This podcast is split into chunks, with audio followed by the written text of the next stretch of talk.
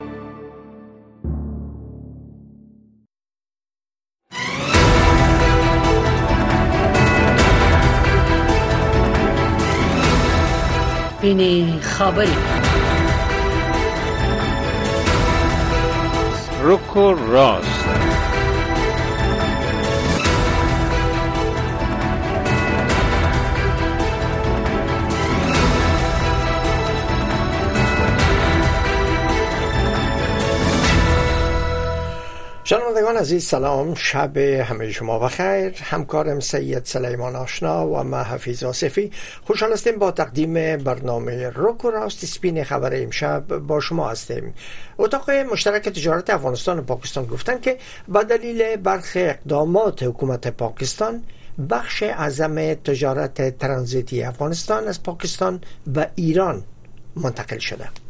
لکم چې واوریدل تاسو تم سلامونه وړاندې کوم اسیفی صاحب نم ډیره ډیره مننه د معرفت نه پروګرام موضوع زمونږ هم دا ده چې د افغانستان او د پاکستان او د ایران سره د ترانزیتي سوداګریزه راکړې ورکړې په اهمیت غږیږو خاصتا دا چې د افغانستان او پاکستان د سوداګرۍ خونی ویلي دي چې تقریبا او یا سلنه د دوی راکړه ورکړه کمه شوې ده او برعکس دا ټوله د ایران اړخ ته زیاته شوې ده په دې اړه به د ملمنو نظرونه اخلو تاسو نم هیله ده چې موږ سره اوسئ اساسي پوښتنه ده چې ایران څومره کولای شي د پاکستان بدیل وشي د افغانستان ده. بله این مسئله را با مهمانای محترم برنامه در میان میگذاریم اما قبل از اینکه مهمانای محترم خدمت خدمت شما معرفی بکنیم با هم با تازه ترین خبرهای افغانستان منطقه و جهان گوش میدیم سپس برنامه را آغاز میکنیم السلام علیکم در نوری ستړي مشئ زه زیبا خادمیم داد امریکا غک آشنا رادیو خبرونه ده د نړۍ د دې ساعت خبرونو ته ساسې پام را اړوم ټاکل شوې ده چې د ملګرو ملتونو د امنیت شورا د فبرवरी په 28مه د افغانستان په وضعیت خبري وکړي د امنیت د شورا په انټرنیټي پاڼه کې لیکل شوې دي چې دا غونډه د دې شورا د غړو او د ملګرو ملتونو د عمومي منشي انټونیو ګوتيريش په شمول سهار پر لاسو بجو شروع کیږي چې د افغانستان د پاره د عمومي منشي د خاص اساسي په ټاکلو سلام مشورې وکړي د ملګرو ملتونو عمومي منشي د قطر په پایتخت دوحه کې د افغانستان په حق له د دوه ورځنۍ غونډې په پای کې ویلي و چې د یو ځانګړي استاذي د ګمارلو په حق له سلام مشورې پیلوي چې د طالبانو د حکومت او د نړیوال ټولنې ترمنځ چاري تنظیم شي د طالبانو د سرپرست حکومت د بارنیو چارو وزیر امیر خان متقی د ترکمنستان د بارنیو چارو وزیر رشید مرادوف په بلنه د یو هیئت په مشرۍ په دوه اړخیزو مسایلو د خبرو لپاره ترکمنستان ته تللی متقی په داسې وخت کې ترکمنستان ته تللی دی چې ډیر زر په ترکمنستان کې د افغانستان د گاونډیو هیوادونو د بارنیو چارو د وزیرانو 15 غونډه کیږي دا غونډه د هغو غونډو ادامه ده چې په افغانستان باندې د طالبانو د بیا واکمنېدو نه وروسته د پاکستان په نوښت پیل شوه او لومړنۍ غونډه د 2021م کال د سپټمبر په میاشت کې په اسلام آباد کې شوې ده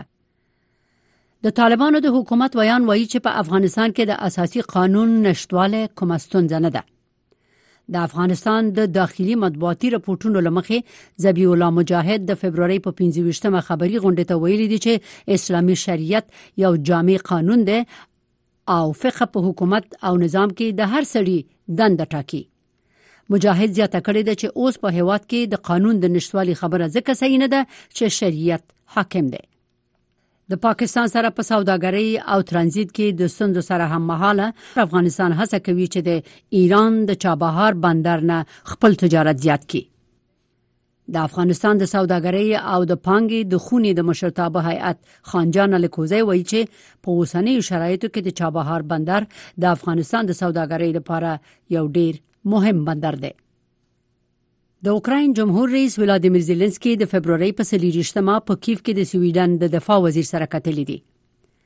دغه ملاقات په اوکراین باندې د روسیې د غیر مواجه يرغل د دوه کلونو د پوره کېدو په مناسبت شوه دی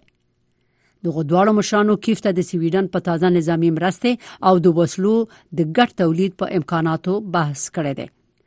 سویډن تیر سه شنبه اعلان وکړ چې اوکرين ته به د 602 میلیون ډالر په ارزښت پوځي مرسته ورکړي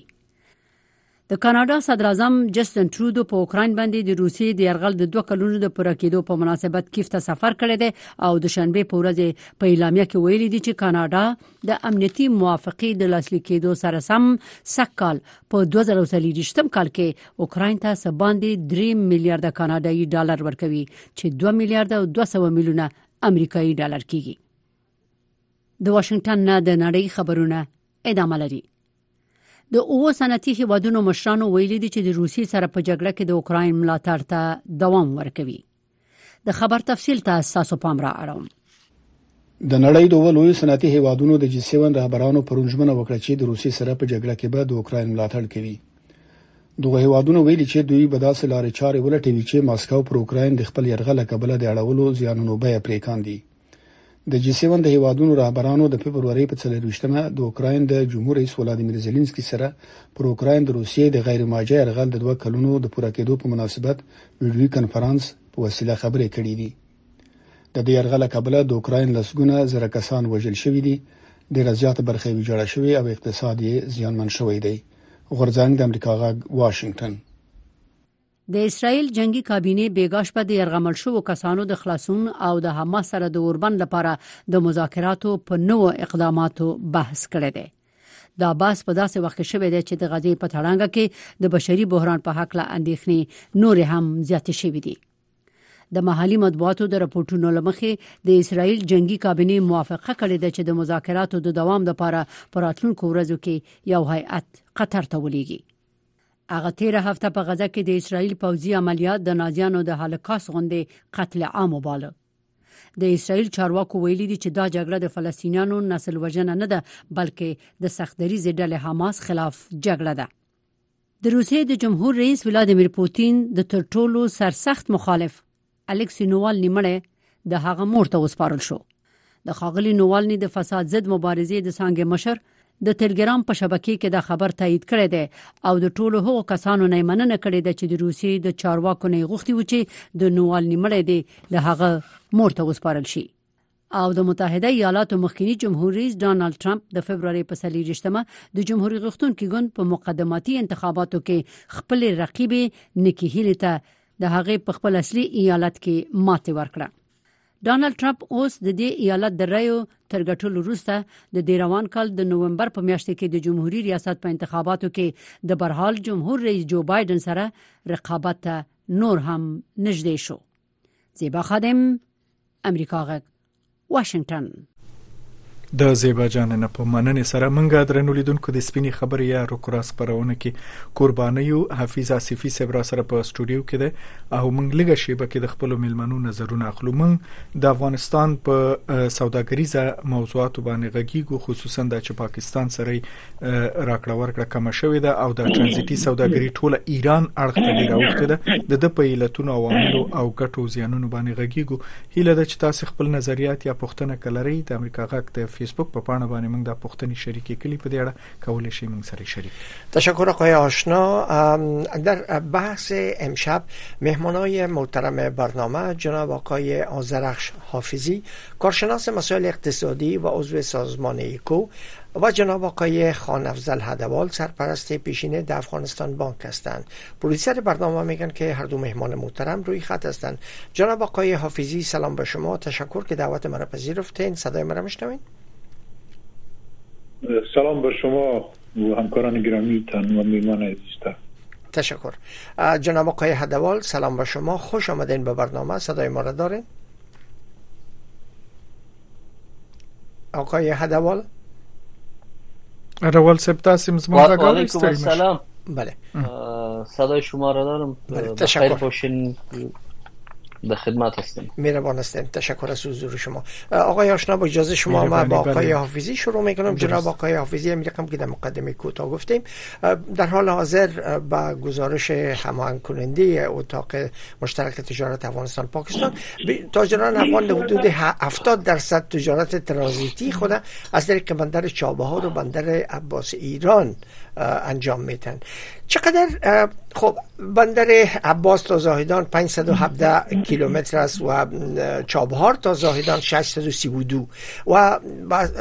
مثل که در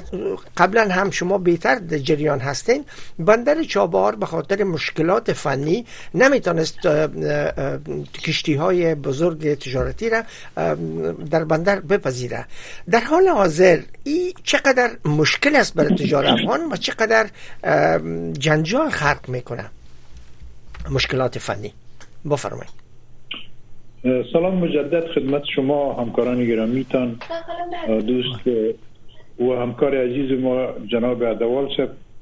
و همچنان شنوندگان محترم رادیوی آشنا صدای امریکا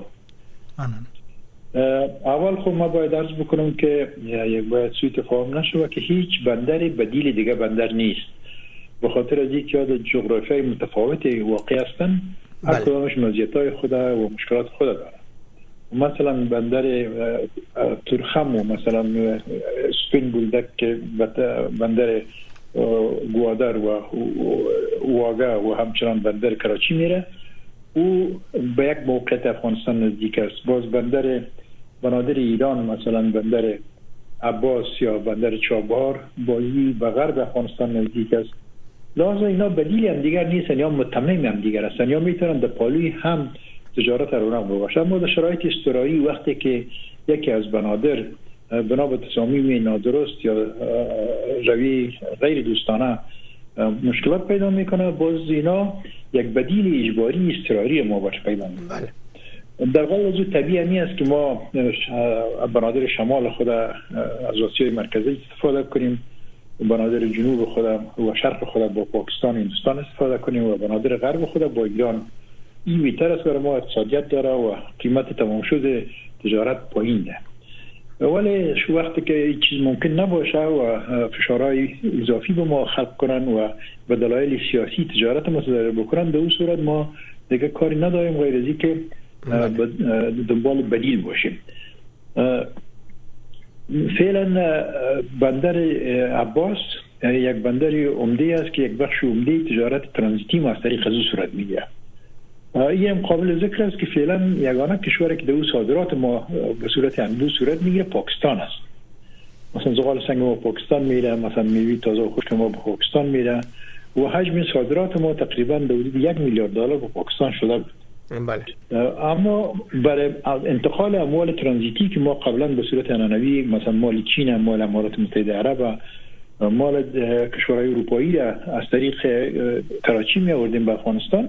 حال بنا به مشکلاتی که وضع شده و قوانین سختگیرانی که خلق کردن ای کاهش یافتن ما در گذشته در حدود 5 میلیارد دلار با پاکستان تجارت رسمی و غیر رسمی داشتیم و تقریبا 80 درصد مجموع ترانزیت کالای ما از خارج از طریق پاکستان می آمد ولی حالی او بسیار کاهش یافته تجارت ما هم واردات ما با پاکستان از پاکستان تقریبا به یک میلیارد دلار بله. کم شده بله, بله. و از ایران تقریبا 2.5 میلیارد دلار شده یعنی پا ایران حال پارتنر تجارتی کلان ماست ولی چابار یک مشکل داره مشکلش همی است که چون بندر نیست که بسیار دو ازدهام باشه و کشتی ها تردد داشته باشند لازم برای صادرات مال تجاره باید یک مدت معطلی صورت بگیره و همچنان اموالی که اونجا میایه هر از گاه یک کشتی از اونجا میایه و کشتی های کلان اونجا به خاطر نبود تجهیزات بندری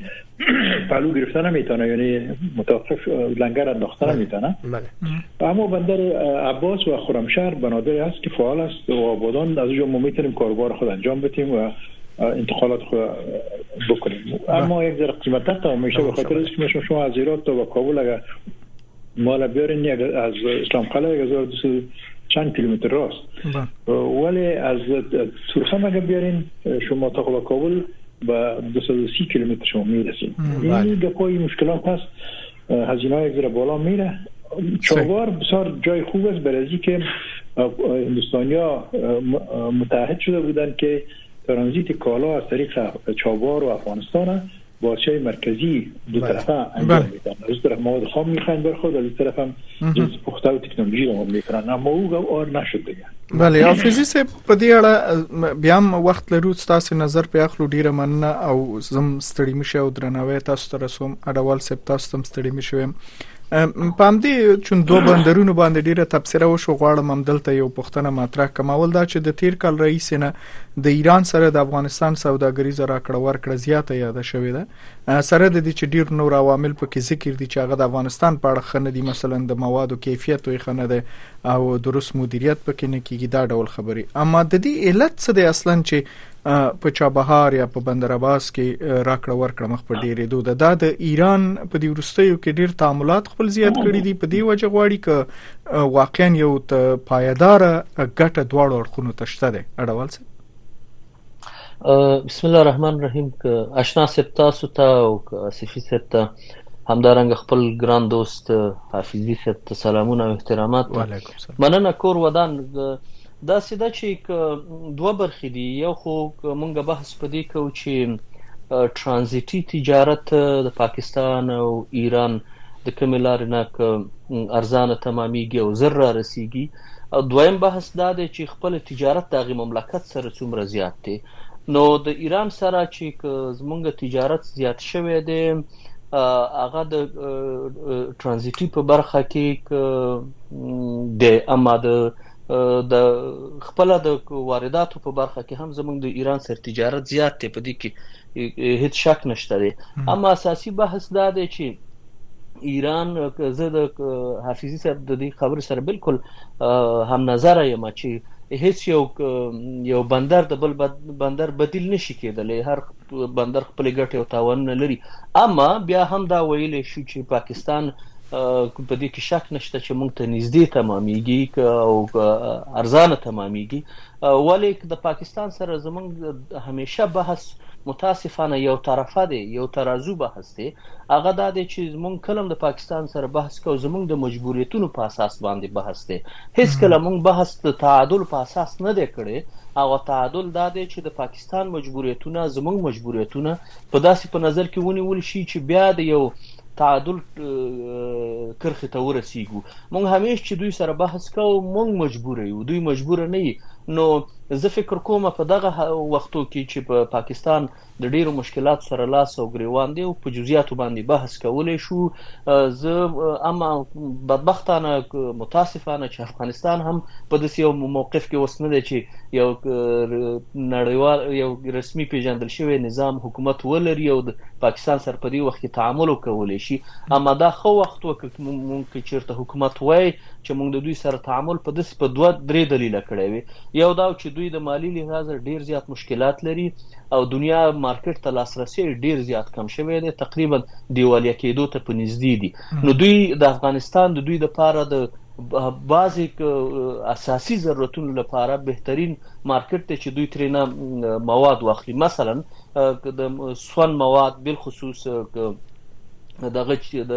زغالستان چې دی د افغانستان سکاره چې دی ډبر سکاره د افغانستان نه ځکه دوی اخلي چې نور بازارونو ته دوی لاسرسی یې کم شوی دی او هغه امکانات مالي دوی نه لري. دویمه برخه دا ده چې دوی خپله په افغانستان کې سیاسي کشمکش تر دې حده رسېدلی دی چې دوی نه شي کولای چې نړیوال بازارونو ته لاړ شي نو افغانستان یعنې یو ښه د تعامل په موقف کې دی ولې متاسفانه اوس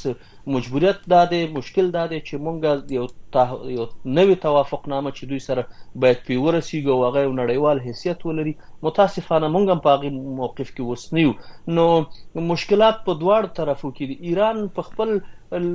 ځای کې دی اما بدیل هیڅ کله کېدلی نشي په دې کې شک نشته دی او بحث زمونږ باید په دې ونه اوسي چې مونږ د وارداتو د پاره څنګه خيو بندر پیدا کو زه فکر کوم اساسي بحث په افغانستان کې په دې اوسي چې افغانستان څنګه اقتصادي لحاظه خپله تولید پیدا کړی شي، خپله خود کفا کړی شي او هغه کومې لارې دي چې مونږ ځکه دا دا خو کلونه کلونه وشو بلکې پیړۍ زیاتي تیریږي چې مونږ بحث په دې کوو چې پاکستان لاره نه راکوي، ایران لاره نه راکوي، اسیا میانه لاره ښه ده او ولې په دې بحث اساسي بحث نه دی کړی چې خپل تولید پیدا کړی شو، هغه شیونه چې مونږ یې خپله کولی شو او د دې نه ځان پرې خلاص کړو، تکیه په دې نه خلاصه کړی شو. په افغانستان اساسي مشکل همدا دی د په دې برخه اقتصادي برخه کې چې زمونږ اقتصادي مشران زه به نن لږ واضح وایم په داسې شکل راغلي چې یا د سیاسي تفاهم په نتیجه کې راغلي هیڅ کله د افغانستان اساسي اقتصاد او زیربنایي ته کار نه دی کړی چې افغانستان اقتصادي لحاظ خودکفا اوسي یو دویمه برخه دا ده چې یا متاسفانه چې کله د سیاسي په تفاهم په نتیجه کې راغلي هغه دا ظرفیت نه لرو چې افغانستان یو داسې پلان ورکړي چې په مرور د زمان باندې په تدریجي شکل باندې موږ ملکه نه غوښتله د دوی نه چې څه په میاشتو او کال کې تاسو راته دا وکړئ اما په تدریجي لحاظ افغانستان باید د دې وارداتي دغه نه خلاص شي یعنی خلاصېدل خو هیڅ امکان نه لري اما موږ تعادل غواړو تعادل دا دی چې هدا اقل دومره تولید ولرو چې څه شی وارده او دغه لپاره خو موږ بیرته د تصفیه د حسابونو دغه تکیه ګاه ولرو کنه داسې خو نه چې ټول عمر ګدایګر اوسي نو زمونږ اساسي مشکل په دې ځای کې دی صحیح مننه اډوال صاحب کور ودان زه به ورسته بل پښتنه پام دي لرم خو اساسي صاحب پښتنه لري جناب آقای حافظی با نظر داشته اوضاع سیاسی و تنشایی که میان حکومت طالبان و پاکستان خلق شده مسئله برگرداندن ماجران بدون اسناد بستن گاهگاه بنادر که شما هم پیشتر از او یاد کردین جنجال خلق کرده برای تجارت افغانستان و هند وزیر خارجه هند در مای جدی به ایران سفر کرد و در رابطه با مسائل افغانستان امنیت و اقتصاد و خصوص مسائل چابهار هم اشاره داشته و اساس گزارش ها گفته میشه که هند بیش از و همیشه متحد است برای قبول کردن مصارف بندر چابهار کوره به شکل درست بسازند فکر میکنین با استفاده از اوضاع و تنش های میان پاکستان و حکومت طالبان چقدر هند حاضر است و چقدر امکاناتش است که در یک مدت کوتا مدت بندر با خوبی خود با وجودی که بدیل شده نمیتون رقمی که شما فرمودین بتونه افغانستان بیشتر کمک بکنه خب در بهترین حالتش چابهار ضرورت به نوسازی داره و به تکمیل تجهیزات داره و این زمان بر است اگر هندوستانی ها که قبلا این کار گفته بودن میکنیم اگر دمو وقت زمانش میکردن آلو بنده تکمیل شده بود و وقتی که مثلا او خود دلیل داشت یکی دلیلش این بود که کالای ترانزیت خود با مرکزی روان کنه و بله. از پس مواد خام بیاره بر خود و دلیل عمده از این بود که اینا سالانه 15 میلیون تن آهن در افغانستان میخواستن که سنگاهن از افغانستان ببرن از آجگک بله کمپنی تاتا و بعضی کمپنی ایندین ستیل این قرارداد کرده بودن اما نمیفهم به چی دلیلی اونا واز پس این قرارداد خود فسخ کردن و این کار نکردن و دلیل عمدی از او همین بود که اینا نه تنها در مورد امو بندر چابهار بلکه حتی خط آهنی را که از چابهار تا به زرنج می آمد و تمدید از داخل افغانستان هم در پلانای بعدی خود داشتن ما در چندین جلسه با اینا شرکت کردم و که اتاق بودم و در باز کوچر چی بودم اتاق ساک اونجا رئیس اتاق هندوستان و دیگر اتاق ما زیاد ملاقات میکردیم بودایی تصامیم را داشتن ولیکن بعدا بنا به انکشافات سیاسی که اونا برشان مطلوب نبود و بعد دلیلی که بود اینا امو تعهد خود در مورد استخراج معدن یا جگک و پروسس از او به حالت تعلیق در آوردن و بالاخره منصرف شدن بیخی به او اساس باز چابار که یکی از تجهیزاتی به خاطر ارائه امی انتقالات کلان بود او را هم اینا بالا تویق انداختن نگاه نمیدانم که اگر دوباره واس پسی علاقه مندی گرفته باشن که کار بکنن کار خوب است و به نفع افغانستان است چرا هر قدر که چی مستقیما با افغانستان تجارت صورت بگیره چی از طریق افغانستان با آسیای مرکزی اما اهمیت ترانزیتی ما و جغرافی اقتصادی ما اهمیتش بالا رفته میره اما ما در این مورد کدام سند مشخص رو تاوال ندیدیم که اونا تعهد به سرمایه گذاری مشخص در چابار جدیدن کرده باشن قبلا کرده بودن تعهداتشان مشخص بود په دې ورستیو کې یو خبر دا و البته یو فکر کوم دوه درې اونۍ مخکې و چې د هند د بهرنی چارو وزیر ایران ته تللی و بیا هلته یو لوی همکاري قراردادونه ډیر قراردادونه وکړل خو یو پکې د چابهار اړوند و چې د جوړولو او د صادراتو د ترانزیت صادراتو د پاره به دازه یعنی چابهار بندر باندې ډیره سرمایه گذاري کوي او یو برخه به د افغانستان د لارې نه مرکزی اسیا ته د هندي سوداګرو د مالونو انتقال هم چې هغه د جمهوریت په وخت کې فکر کوم وو به ورسته وزندیدو په هر صورت زما یو پښتنه دا ده چې دا نظر دی ترانزیت آیت ته چې افغانستان ته راځي او زمين کې د مخ کې چې اډوال سه بیا د کړل چې کورنی عایدات دومره شي چې ډیر زیات محتاج افغانستان ډیر محتاج نشي گاونډیو ته په زنو موادو کې د نړیوال بانک دا د موندنو تازه موندنې دي د کې خود له د چوي د افغانستان د اوسنۍ اقتصاد چې د یو لوی کسر سره مخ دی یعنی دا نه یوازې دا چې خپل کورنی ضرورتونه نشي پوره کولای بلکې د گاونډیو سره پر اکړه ورکړه کې هیڅ د مقایسې وړ نه دی دغه مشکل څنګه حل کېدلی شي آیا دا سیاسي مشکل د وجې نه راپېښ دی که واقعا افغانستان په یو حالت کې دی چې څوک نه غواړي په دې لار تیر شي او راشي غیر د دغه پاکستان او ایران نه چې ډیر زیات تعاملات خپل خې د حاکمیت سره اډوال صاحب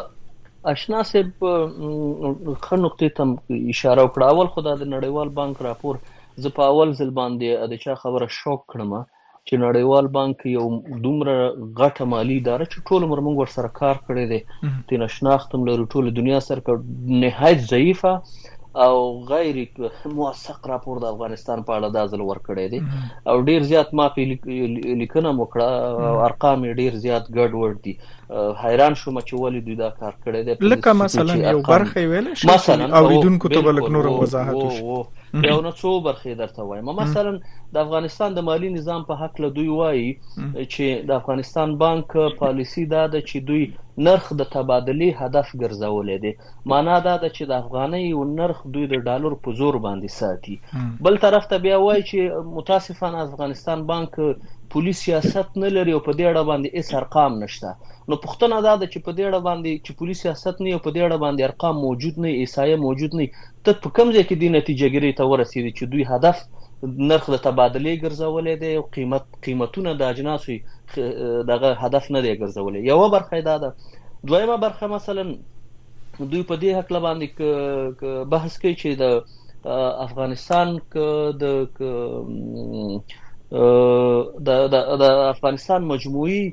تجارت په هکله باندې بحث کوي او دوی ارقام ورکوي بیا په هغې باندې بیا بحث کوي چې متاسفانه چې تر اوسه پورې په دې هکله باندې ارقام احصایه مرکزي او دوی خلکو لا نشر کړي نه دي نو داسې نتیجه ګیري کړې ده چې په او درېمه تر ټولو مهمه او اساسي خبره دا ده چې کله په انفلاسیون باندې بحث کوي دوی چې په افغانستان کې تر د ډیفلاشن پروسه تر اوسه روانه ده او که افغانستان تر اوسه پورې که اقتصادي وضعیت خراب دی چې دا درسته ده اما کله چې په دلایلو بحث کوي اساسي دلایلو باندې بحث نه کوي دلایل وایي مثلا درې شیان څلور شیان دوی خودلی یوی خودلی چې اپین بند شوی دي نو خلکو ته عاید نه راځي ځکه تر ډیفلاسیون راغلی دویمه دا ده چې افغانۍ ډیره قوي شوې ده ځکه انفلاسیون راغلی دی او درېیمه دا ده چې وایي که ان ایمپلایمنټ دی یعنی که خلکو ته کار کار نشته دی ځکه دا ډیفلاسیون پروسه راغله دا ډیر ضعیف دلایل دي اصلي دلایل او زه فکر کوم سیاسي لحاظ یې واضح وایم دوی دا بحث نه دی کړی اصلي دلیل دا دی یو چې د افغانستان سره دنیا مالی کومکونه بند کړی دي یو او هغه هغه پیسې چې د افغانستان بودیجې ته تلې اوس نزي دویم غټ دلیل دا دی چې افغانستان یو رسمي حکومت اوس نه لري دنیا دغه سره تعامل نه کوي دریم غټ دلیل دا دی چې په افغانستان کې تعلیم تربیه بنده شوې ده 50 فیصد خلکو ته ماموریت نه ورکول کیږي معاشات نه ورکول کیږي پنشن نشته دی دا حق په دا یو دلیل هم دوی نه دی ذکر کړي یعنی یو ډیر وګت بحث پې کولای شم د دوی سره زه حیران شوم چې دوی غساسی نقطې چی دنیا ته افغانستان پریښودل دی په دغه شکل باندی چی پیسی لیږی او ګدای ګری افغانستان یو ګدای ګری تی جوړ کړی دی او په دی شکل او په غیر غیر تخصصی شکل باندی تقسیم د پیسو کیږی نغدی پیسی ورکه هغه هم د غیر رسمی نظام د لاری ولیږه نغدی ولیږه اما مالی نظام ته بلیک لیست بلاک که می پریده دا خو یو دوه جدا بحثونه دي بحث رانه اوږدیږي یو دا دی موږ د دې موږ په دې بحث نه کوو چې موږ تاسو ویو چې ته راشه په همدغه حالاتو کې چې دا څنګه دی د طالبانو سره داسې تعامل وکړي چې ټول خبرې شاته وګرځه موږ دا نه وایو موږ وایو چې د افغانستان مالی نظام ته د اسارو ذخیره زموږ د ضرورتونو څخه ده ځکه موږ یو وارداتي هیواد یو هلته ته کولی شې په اسانۍ شکل باندې افغانۍ واخلې خو دغه اسعار خو د افغانستان د مرکزي بانک د حسابونو د لارې ولیږه کنه صحیح دلته دې د افغانستان مرکزي ذخیره په دوه برخو تقسیم کړه یعنی یو ډیر دغه بحث دا پوه شو هغه ټکي دي چې نړیوال بانک هیڅ ورته اشاره نه ده کړې صحیح متاسفانه په مګر دې راپور د کې د اوس تاسو صحیح مهرباني تاسو خبره را خلاص کړئ راځم اوس دې ته صحیح چې د هند په دې برخه باندې چې تاسو ورته اشاره وکړه چې هند وزیر خارجه د ایران سره په د نورو تجارتي راکړو ورکړو بحثونو ترمنځ یو بحث دا کړو چې څنګه کولای شي چې دوی چابهار فعال کړی شي او په هغه شکل باندې تی یو تجارتي ترانزیټي لار جوړه کړی شي ترڅو اسیا میانه ته او اسیا مرکزی ته او افغانستان ته دوی لاسرسي ولري دوه برخې ډېری مهمې دي یوی سیاسی لحاظه زه خو وایم چی زه متاسفانه په هند باندی اوس ډیر دغه نه لرم د دوی په نیت باندی دا سیاسی معاملات کی همیش په زیات ده چی تجارتی نظر په تجارتی برخه په نظر کی ونیسی او د سیاسی په معاملو کی افغانستان همیش د د هند وجی ډیر خوږ شوی دی پاکستان دی ته په ډیر منفی نظر باندی ګوری مونږ باید هیڅ کله په دغه برخه کی په دی شکل باندی چی سیاسی برخه ولری او مونږ په زیات ده چی تجارت وکړو د رقابت د داسې یو رقابت وسیله شو چې په جز د تاوان نه ګټه افغانستان ته نه راوړي دا یوه برخه ده دویمه برخه یې دا ده چې مونږ څنګه کولی شو په رښتیا شکل باندې د چابهار د هغه برخې د پاره چې د ایران نه یعنی تجارت د ایران د وبخې د هند او هغه زینه چې چابهار ته نږدې دي هغه مونږ ته معلوم دي چې مونږ د کوم مملکتونو څومره تجارت لرو چې د چابهار د لارې مونږ راوړل شو په شمول د ایران باندې ولې بیرته اصلي کرښې ته ټکي ته ځو چې حافظي صاحب ورته په اول کې اشاره کړو تر ټولو د کاڼي کرښه هم دا و چې هیڅ بندر د بل بندر بدیل نه دی بس پاکستان په دې معنی نه ده چې مونږه مطلق پریدو البته هغه وخت بهترین دی چې مونږ خپل تولید ولرو غیر داغه نه ښه دا ده چې په یو داسې تعامل کار وکړو چې تعادل په نظر کې نیول شوی وي صحیح یعنی د کورنیو ضرورتونو د رفع لپاره کورنی تولیدات به د کې شک نه وي چې ضرورت دی او ډیر وخت هم رسمي حکومتونو یعنی د جمهوریت په وخت کې هم ورسته اوس وخت کې او اقتصاد پوهان ټول دا پیشنهاد کوي اما تاسو چې د نړیوال بانک باندې و ډیر جدي نیوکه درلودل او ورته دلایل هم تاسو وړاندې کړل خو دوی نړیوال بانک فکر کوم د فبروري په 15 مه باندې چې کله د افغانستان په اړه راپور ورکوو او ځنې جزئیات یې ورکړل یو ټکی په کې دام یاد کړی دی چې دوی د درې وړو د افغانستان البته او د مرکزی اسیا درې وړو هیوادونو نه چې داخل دي په کاسا پروژه کې د دوی نه یې تقاضا کړې ده چې دا بیرته په دې باندې کار شروع شي، فعال شي ځکه چې یو اعشاریه دوه میلیارده ډالر دا سیمه ییزه د پاکې انرژۍ د تولید منبع ده او دا ټول د سیمې لپاره ګټه رسیږي. د دې ترڅنګ بله غټه پروژه چې هغې کې هندوستان تاسیس وي، پېشک هم لري، خو په ټاپې پروژه کې د 2014 کال رئیس نه دخالت لرو او اوسه پوری نن خو بیخي غټ خبر هم دا و چې د ټاپې پروژې ته څوک لیوالتیا نه خي چې وي په سرمایه گذاري وشي یا پانګونه وشي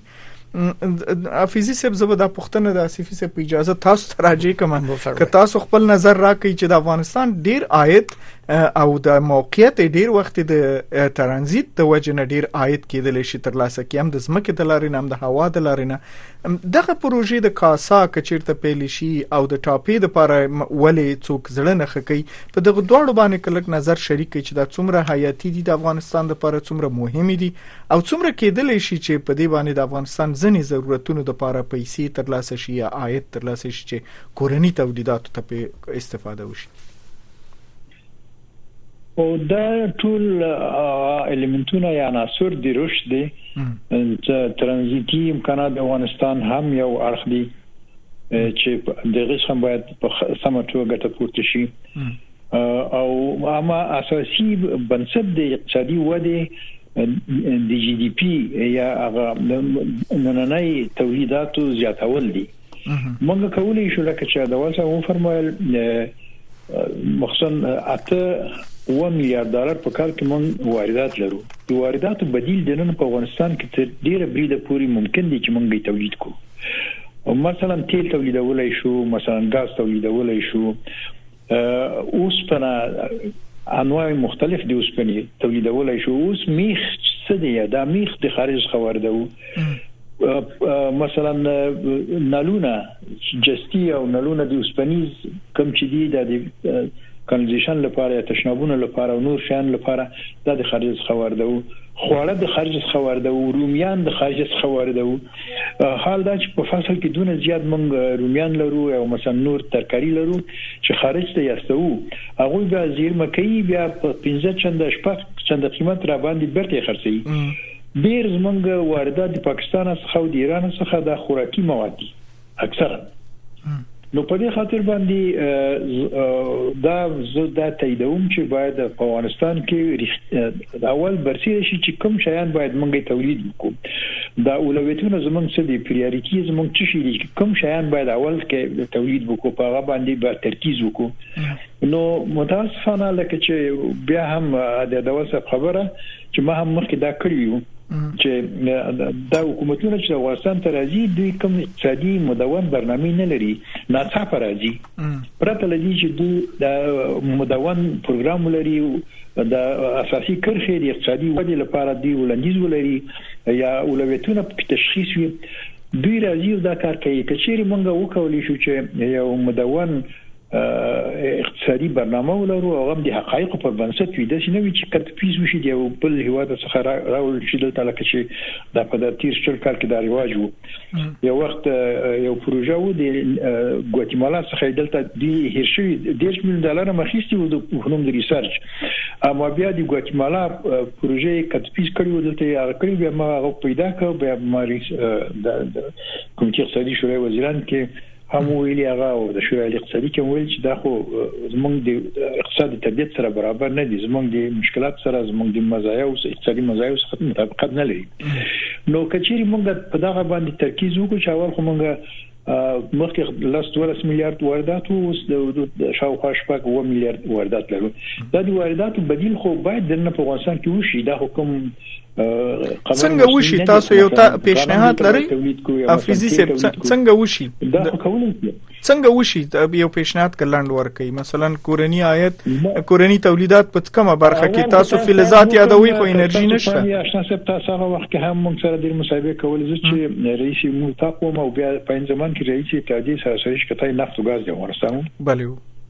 زموږ ولاندیز دغه و چې ما خلک را نه یوازې ولاندیز وو نظری نه یو نظر نه وو یو عملی بنام درلودل دا صحیح ده چې زما نظر وو اما زما همکاران د په اتاق تجارت کې په ایتالی شرکت نفت او غاز کې دوی یو اشاره 3 میلیارډ ډالر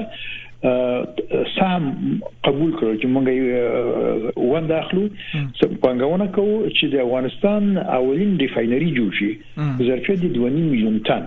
چې د دغه د قشغلی او د سرپل د تیلو څخه موږ د حوزې او مدریا څخه 2.5 میلیون ټن په کال کې تیل تولید کو او د تیل ترڅنګ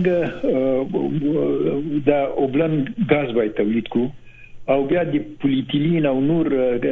پتروشیمیک شیان تولید کو کریل تقریبا 15 لک ټنه څو ډیر یو مفصل پروګرام وو چې تقریبا 15 میلیارډ ډالر زمونږ د بیل کسي بیلانس تجارت مثبت کول او دایمي کار تقریبا 15000 خلکو ته پیدا کیدل خو مونږ دا قرارداد وکړل د کارونو د ټول خلک ما د رسمنم په سیرینا هوتل کې د اعلان کړ چې دا لنیکه مرغه دا زموږ وطنپال پانګوال غواړي چې دوی هم پانګونه وکړي او دوی رهبری دي دغه اتحادیه هم را سره وو رهبری دي اتاق هم را سره وو دا د حکومت مشران هم وو اما ورسته هغه قرارداد چې دوی وطن ګروپ او د چینایي شرکت سره کړیو چې هغه باید موږ ته تیل راکول خام تیل هغه سره په قرارداد په حاله د تعلیق راوست بیا موږ دا پښتنه وکړه چې هغه ته نه ورکوي موږ ته راکې په خپل همدا خلک چې ریفاینری جوړي یا تصفیه خانه جوړي اما تیر شو د دوی حکومت مثلا 2000 د لسم کې موږ دا اعلان کړ 2014 کې ابتدایي کارونه ته پیل شو څنګه یو کېندل شو او نور پانګه تقریبا تعهدات عملی شو ولی حکومت هغه څه واخستل بیرته قرارداد را چې واخیسته خو چې تیل نه موږ شي پروسس کو بیا تر څو چې اوس هم د طالبان چې بیرته 2000 ټنه یې رسولي او رسېي دوی هم د ریفاینري غم نه دی خورلي دوی بیا غا د تیل خام پیسې خرڅوي او دا چاره نه کوي باید موږ ته د خپل خام مواد پروسس کو دنه په افغانستان کې چې همکار ځای د کار پیدا شي هم په زمان کې هغه بدیل واردات وګرځي دنه په افغانستان کې مننه او موږ د منابعو څخه د کیوادي و کچېري سم اقدام وکړو او اګهانه او عالمانه برخورد وکړو مسایل سره او مخلصانه موږ ډیر زر کولای شو چې یو شتمن هیواد وګرځو بله تشکر جناب آقای حافظی فقط د حدود 8 دقیقه به ختم برنامه مونده بله برنامه راستا استا جنبندی میکنیم با چی گفته آمد جناب آقای حافظی یک مقام اتاق مشترک تجارت افغانستان پاکستان گفته که در حال حاضر انتخابات است انتخابات پاکستان قرار است حکومت جدید تشکیل شد و اونا امیدوار هستند که بتانند این زمینه بر مسائل تجارت با افغانستان سهولت های ایجاد شوند شما چقدر امیدوار هستند که دوباره پس این موانع بر سر راه تجارت و تنازیتی از میان برداشته شود برای اینکه بالاخره خب تجار پاکستانی هم از مشکلات و بستن سرداد آسیب میبینه و خسارمند میشه درست است بله شما طور که وای دارین امی اتاق ما افتتاح کردیم و تاسیس کردیم اتاق مشترک افغان بله. پاک و این ضرورت بود به خاطر از که طوری که پیشتر ادوال هم گفتن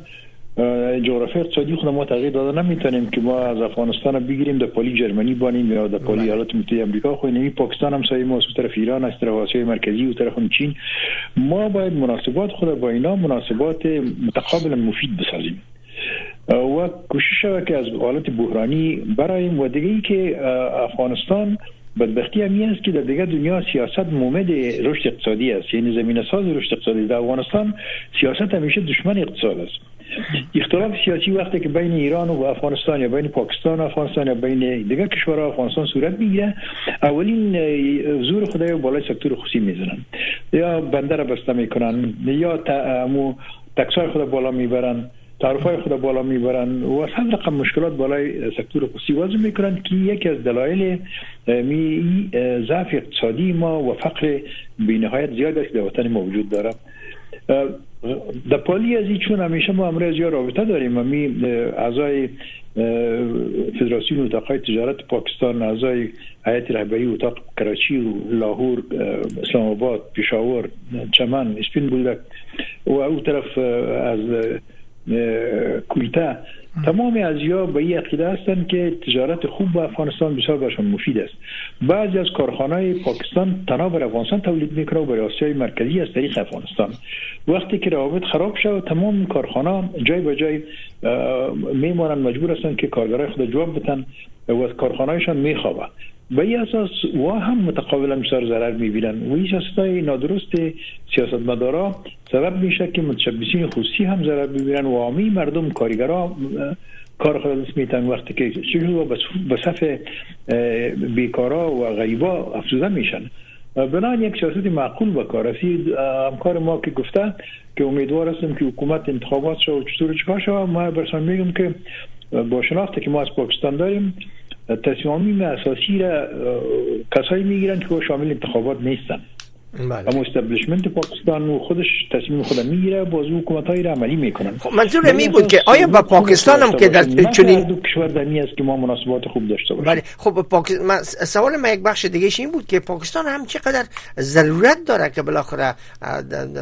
در این زمینه کارهای تسهیلات لازم صورت بگیره به نظر شما خب یکی از دلایل و منطق همی که ما 19 ساخته و می بود که سکتور خصوصی پاکستان در پالی خود داشته باشیم و اونا هم امرای ما شانه به شانه برزخ مشکلات در پاکستان برن و او این کارا میکنن در کراچی وقتی کراچی چیزای ما بند بود می کانتنرای ما می رئیس دوره‌ای زبیر موتی والا همکار ما که رئیس می اتاق مشترک بود پیشتر او خودش در کراچی رفت امرای می حیات ما امرای دوستای ما یک جای نصف حیات مدیر از ماست نصف حیات مدیر از اوز گای رئیس از ما می باشه گای از ما می باشه دیگه همکار ما در اتاق همکارای ما هم هستن کل که از آیت ملی اونجا هستن یا هم رفتن در اونجا اونا هم وقتی که استدلال میکردن میگفتن که برادر ما هم تباه کردن یعنی خود تنها افغان ها تباه نمیشن ما هم تباه میشیم برای که ما تولید میکنیم برای بازار افغانستان تولید میکنیم برای آسیای مرکزی وقتی که مناسبات ترانزیتی بین افغانستان بین ما افغانستان خراب باشه ما به آسیای مرکزی مال خود رسانده نمیتونیم از آسیای مرکزی ما مواد خام آورده نمیتونیم از خود به خود افغانستان که بازار کلان ما بود ما رسمی و غیر رسمی 5 میلیارد صادرات داشتیم به اینجا حال خود صادرات ما به یک پنجم از رسیده یعنی به یک میلیارد هم نیست اون سال تقریبا 800 میلیون رسیده بود پایان آمده بود بنابراین اونا بسیار متضرر میشن بسیاری از فابریکاتشان کار نمیکنه از کار مانده به خاطر از اینکه بر افغانستان تولید میکنن مناسبات دوستانه و خوب بین هر دو کشور به نفع هر دو کشور است به نفع تاجر است به نفع مستهلک است به نفع دولت است اما متاسفانه این تابع سیاست است و سیاست های ما قدر خوب و مناسب نیست بین دو کشور تشکر جناب آقای حافظ بله مننه اوس د یو تبصره یا معلومات شته چې په پاکستان کې دغه وروستي سیاسي تحولاتو کې چې د مسلم لیګ نواز شریف ګوند مخکخه دی یا به حکومت کې لوی ونډه ولري او دوی تر ډیره پوري د پنجاب ایالت پوري ښکاری چې ډیره پانګونه الته لري نو وای چې دې ستو ډیره علاقه مندي د افغانستان سره په سوداګرۍ کې خصوصا د ټاپې په شان لوی پروژو کې ځکه نه خي چې اصلا هغوی خپل لوی کمپنیانې لري او پاکستان کې په خپل خلکو باندې هماغوی انرژي خرڅي او هڅه دا کوي چې د هماغوی شرکتونو نه خرید وشي نظر دی نه چې د بار نه ورته وارد شي نو ډیر علاقه مندي شاید ونه خودل شي د افغانستان سره اډوال صاحب غوښتل مې دا ورستۍ پښتنه یو درې دقیقې درې نیمه دقیقې لروسته سي نظر په واخلو چې سید چې دا سیاسي تحولات په سیمه کې را روان دي مثلا ایران ډیر زیات د افغانستان سره خپل تعلقات نږدې کړل کانفرنسونو کې سهم واغستو نمائندګي کوي او رفت آمد او تګ راتګونه ډیر کړی دي په عین وخت کې پاکستان کې یو لوی تحول را روان دی چې تر ډیره پورې خپل کورنی جنجالونو کې اخته دي او اقتصاد ډیر مخ په ځوړ دی او ډیر ستونزو سره مخ دی او انفلیسیون هم لوړ دی او بل اړخ کې چین ډیره زیاته علاقمندي کوي چې په افغانستان کې دخالت ولري او د دې افغانستان د لارې نه ایران ته وزي او د ایران د لارې نه ختیځي اروپا ته وزي حتی دغه انزور کې تاسو یو نظر کې شریک کړئ چې افغانستان په کوم وضعیت کې دی او څومره یو فرصت مساعد دی چې د دینه په څه ډول استفاده وشي اشنا صاحب ډیره ښه پوښتنه مو کړله او دا تداوم ورکوي د حافظي صاحب بحث ته چې تاسو ته پوښتنه مو کړه چې څه باید وشي په دې کې شک نشته چې یو ډیر ښه فرصت دی اما خبره دا ده چې د دې فرصت څخه افغانستان څنګه استفاده کولی شي؟ زه فکر کوم تر ټولو مهمه دا ده چې افغانستان اول باید دا فیصله وکړي او د دې روزمره اقتصادي کارونو څخه دولت باید ووځي. دولت نن هم په روزمره اقتصادي کارونو باندې اخته دی، حتی که دا غټې غټې پروژې هم وشي. اول دا دی چې افغانستان دولت باید دا واضح کړي چې افغانستان څرنګه یو اقتصادي نظام غواړي. او د افغانستان د دې نه مې هدف دا دی چې افغانستان غواړي یو صنعتي هیواد اوسي افغانستان غواړي یو خدماتي هیواد اوسي یو زراعتي اوسي هغه یعنی به هر حال زه خپل نظریات په دې لرم خو دا باید د یو اقتصادي یو ملي اقتصادي پلان زیږنده اوسي یو نهایی تصمیم باید ونیول شي چې موږ دغه غواړو چې افغانستان دغه یو هیواد اوسي دا اقتصادي نظام ولري او د هغې په اساس باندې بیا یو ملي اقتصادي خودکفایي پلان جوړ شي دلته بیا دوه برخې مهمې دي، هغه وخت کې موږ د دې هېوادونو سره بیا خپلې ګټې د افغانستان لپاره مطرح کولی شو، که نه موږ به موقته پروژي واوسو، لکه اوس چې یو، که دا کاسا واوسي راسره، که ټاپي واوسي، دا زموږ لپاره په دې شکل باندې موقته پروژې دي چې موږ خپل اساسي مسیر لا ټاکلی نه دی او هغه دوه برخې دي، مثلا یو برخه یې دا ده چې هغه تولید چې افغانستان فقط خپل ضرورتونه پرې رفع کړی شي مثلا زراعتي برخه زراعتي برخه ته یو میکانیزم او پلیټفارم داسې جوړول پکار دي چې زمونږ تولید که مونږ کافي تولید لرو په زراعت برخه کې کافي په دې معنی چې مونږ خپل ضرورتونه په خپله پوره کولی شو ولې هغه څه چې ضرورتونه هغه شی چې ضرورت دی د دې تولید لپاره چې مونږ په سیزنل وساتلی شو هغه نه لرو سردخانې نه لرو همدارنګه مثلا په هغه شکل باندې چې کیفیت خراب نشي او هغه وساتل شي هغه سرد دغه نه لرو سټنډر دغه نه لرو میکانیزمونه ورته نه لرو نو دا باید په دا یو برخه ده په دې کار وشي بیا دویم برخه ته دې ته باید راشو چې موږ اوس کمی لارې دي چې تاسو په د حافظي سر سره چې په بحث وکړي چې د افغانستان عاید لوړول شي او افغانستان اقتصادي خودکفایي ته وړل شي مثلا درې برخې په دې کې موږ ویل شو په شروع کې چې افغانستان ټول اقتصاددانان اکثریت په دې نظر دي چې دا د افغانستان د خودکفایي اساسي برخه ده معادن دي، که هغه ګېز دي، ګاز دي، ټیل دي، هره برخه چې ده د دوی استخراج دی او په هغه اساسي یو یو مسیر ورته ټاکل دي. دویمه د اوبو مدیریت دی چې په اساسي شکل باندې وشي او هغې نه استفاده وشي او دریمه بیا د ټرانزیټ لارې دي چې دا هغه شیان دي چې دنیا هم په کې دلچسپي ښودلې ده که ایران دی که چین دی او که منطقي هیوادونه دي او که په نړیواله سطح باندې دي ولې د دې ټولو د پاره اساسي ټکی یو دی هغه دا دی چې افغانستان خپل اقتصادي مسیر باید معلوم کړي چې موږ په دغه مسیر غواړو لاړ شو او په هغه اساس باندې یو ملي خودکفایي پلان د اقتصاد لپاره ولري دا کې د شل کلن پلان اوسي یو ماستر پلان اوسي او بیا په فیضواره دا تطبیق شي دا هغه لار ده چې موږ کولی شو افغانستان بیا نو دا ترانزیت د ترانزیت بحث بیا همدارنګه د دوی سره د د اوبو د توافقنامو بحث دا شیان د دې پلان په نتیجه کې بیا راتللی شي او بیا په اسانه بحث کولی شي غیر دا غنه به د افغانستان حکومت روزمره اقتصاد ولري لکه دا نه چې لرو او دا د افغانستان لپاره ګټه نه کوي چې یو نظریه دام د چې کېدلی شي افغانستان د سیو وضعیت کې دی چې ظرفیت، کاري ظرفیت یا تخصصي ظرفیت یې ټیټ شوی ځکه ډیر د افغانستان نه بهر وتلی دی، امکانات ډیر نه لري تخنیکي او زراعت یې میکانیزه نه دی نو ډیر امکان شته چې لکه د اوټ سورس یا بل چا ته قراردادي ورکړل شي. اشنا صیب یو ټکی یې درته ووایم چې دا وخت هم کم دی هغه دا دی چې زه دا همیش دا بحث کوم زه وایم چې په موږ په دې شلو کلونو کې دا تیر کلونه تیر کړو شل کلونو کې چې کله موږ د دې جوګه شو چې نړۍ سره پرې بحث وکړو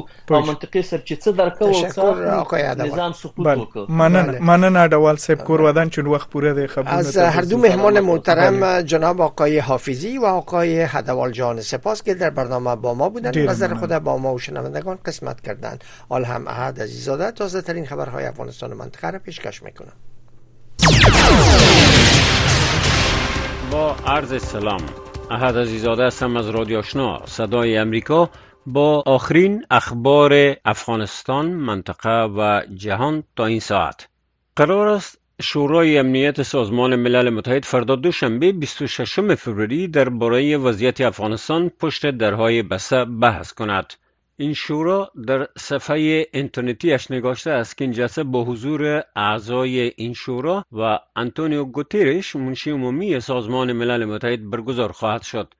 نصر احمد فایق سرپرست نمایندگی دائمی افغانستان در ملل متحد به تلو نیوز گفته است که در این جلسه درباره قطنامه 2721 شورای امنیت نیز بحث خواهد شد بر اساس گزارشها ایران، چین و روسیه در قبال گزینش نماینده ویژه ملل متحد برای افغانستان مخالفت نشان دادهاند. طالبان نیز با گزینش نماینده ویژه ملل متحد مخالفند. اتاق مشترک تجارت افغانستان پاکستان میگوید که به دلیل برخی اقدامات حکومت پاکستان بخش اعظم تجارت ترانزیتی افغانستان از پاکستان به مسیر ایران منتقل شده است جزئیات بیشتر از رویا زمانی زیالحق سرحدی هماهنگ کننده این اتاق در خیبر پختونخوا به صدای امریکا گفت که تاجران افغان در درصد تجارت ترانزیتیشان را اکنون از طریق بندر چابهار و بندر عباس ایران انجام می دهند. به گفته آقای سرحدی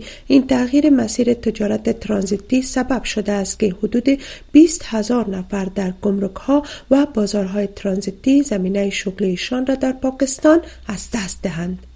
او با بیان اینکه 80 درصد کاروبار در خیبر پختونخوا با افغانستان صورت میگیرد افزود که این مشکل را به مقام های بالا رساندند اما مشکل اینجاست که انتخابات در پاکستان به تازگی برگزار شده و حکومت جدید هنوز تشکیل نشده است همچنان این اداره گفته است که بیشترین واردات در این مدت از ایران بوده که در مجموع ارزشان به یک میلیارد و هشتاد میلیون و هزار دلار میرسد پس از آن پاکستان با یک میلیارد و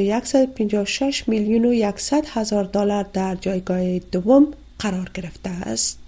به سلسله وضع محدودیت ها بر رسانه ها و فعالیت های رسانه در افغانستان توسط طالبان مرکز خبرنگاران افغانستان از ممنوعیت تماس تلفنی دختران با رسانه ها در ولایت خوست خبر داده است. این مرکز امروز یک شنبه 25 فوریه با نشر اعلامیه گفت که قماندانی امنیه خوست با فرستادن مکتوبی به رسانه ها هشدار داده است که از فراهم کردن زمینه برای هر گونه تماس تلفنی دختران با رسانه ها خودداری کنند. با گفته مرکز خبرنگاران افغانستان هرگاه رسانه از این دستور سرپیچی کند مسئول آن رسانه احضار و تحت پیگرد طالبان قرار خواهد گرفت سازمان جهانی صحت میگوید که با همکاری شرکای ملی و بین المللی طی ماه جنوری به 900 هزار افغان نیازمند به خدمات سی در سراسر افغانستان رسیدگی صورت گرفته است. این سازمان امروز یک شنبه 25 فوریه با نشر معلومات گفته است که از میان کسانی که تحت پوشش قرار گرفتند 45 درصد آنان زنان 23 درصد مردان 16 درصد دختران و به همین تعداد پسران بودند مقام های ایرانی مدعی شدند که میلیون ها شهروند افغانستان به دلیل بحرانی که ایالات متحده در آن کشور ایجاد کرده به ایران مهاجرت کرده اند. حسن کاظمی قمی نماینده رئیس جمهوری ایران برای افغانستان و سفیر این کشور در کابل ادعا کرده است که همکنون 6 میلیون مهاجر افغان در ایران به سر میبرند کاظمی قمی در گفتگو با خبرگزاری دانشجوی ایران در تهران گفته است که دلیل مهاجرت افغانها به ایران ناشی از ایجاد بحران در افغانستان توسط ایالات متحده است شما به اخبار جهان از رادیو آشنا صدای امریکا گوش میدهید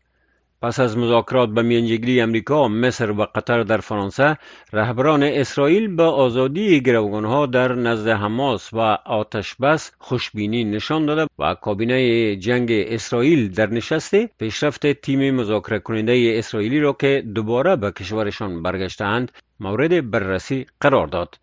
های صحی غزه که تحت کنترل حمایت حماسند گفتند که در جریان حملات اسرائیلی تا کنون حدود سی هزار نفر در غزه کشته شدند که اکثر آنان زنان و کودکان بودند.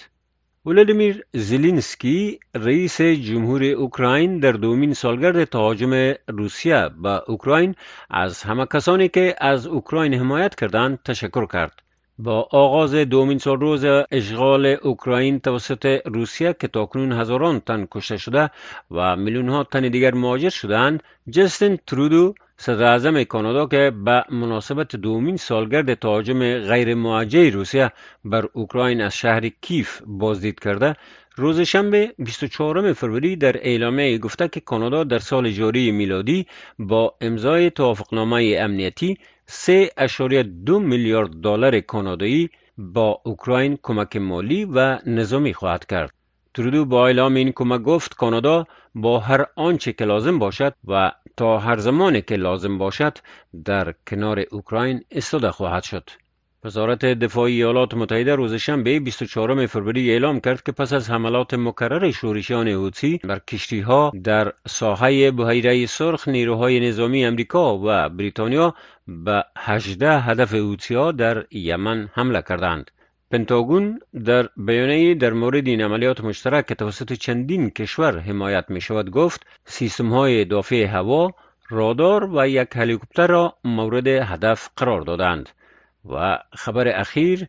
دونالد ترامپ رئیس جمهور پیشین ایالات متحده روز شنبه 24 فوریه برنده انتخابات مقدماتی حزبی جمهوری خواهان در ایالت کارولینای جنوبی شد و نیکی هیلی رقیب همحزبی خود را شکست داد. پایان اخبار افغانستان، منطقه و جهان تا این ساعت از رادیو آشنا صدای امریکا. شنوندگان عزیز این بود داشته های برنامه روک راست اسپین خبری که در همینجا به پایان رسید اما نشرات پشتو و دری رادیو آشنا صدای امریکا همچنان ادامه دارد